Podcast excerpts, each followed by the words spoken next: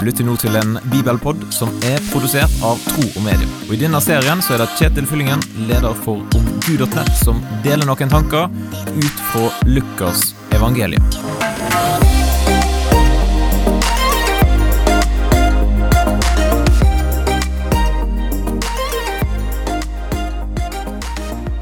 Filmskaperen Woody Allen han har sagt Det er ikke det at jeg er redd for å dø.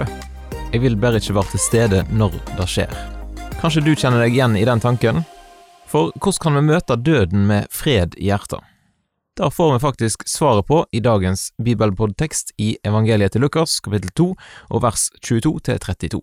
Der står det. Da renselsestiden som Moseloven påla dem var forbi, tok de ham med opp til Jerusalem for å bære ham fram for Herren. For det står skrevet i Herrens lov, alt av hannkjønn som åpner mors liv skal være helliget Herren.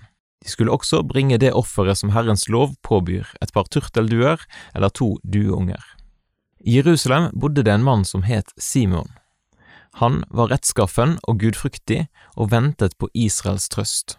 Den hellige ånd var over han, og ånden hadde latt ham få vite at han ikke skulle se døden før han hadde sett Herrens salvede.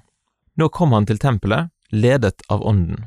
Og da Jesu foreldre kom med barnet for å gjøre med han som skikken var etter loven, tok Simon barnet opp i armene sine.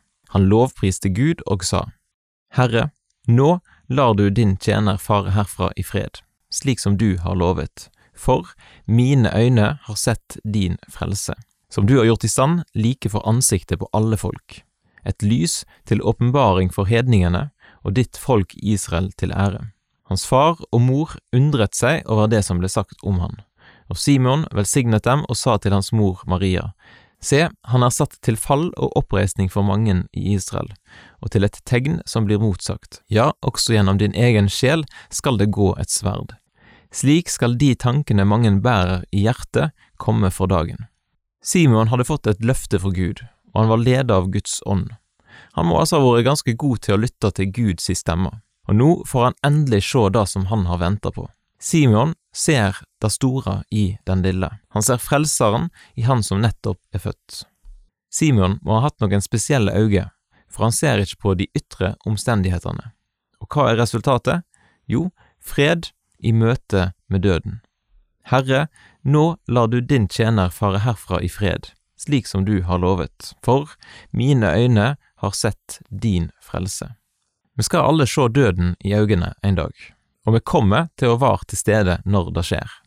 Men måten vi møter døden på, da blir avgjort av om vi først har fått se Jesus og vår holdning til det Jesus har gjort for oss. Har du fått se det?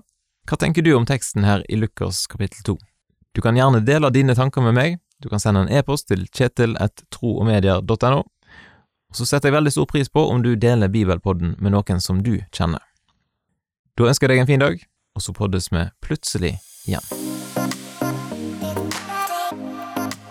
Takk for at du lytter gjennom denne bibelpodden. og Vil du gi en tilbakemelding på det som du hørte, eller vil du lære mer om kristen tro? Da kan du gå til nettsida omgud.nett. Eller du kan sende en e-post til kjetil etter troogmedia.no.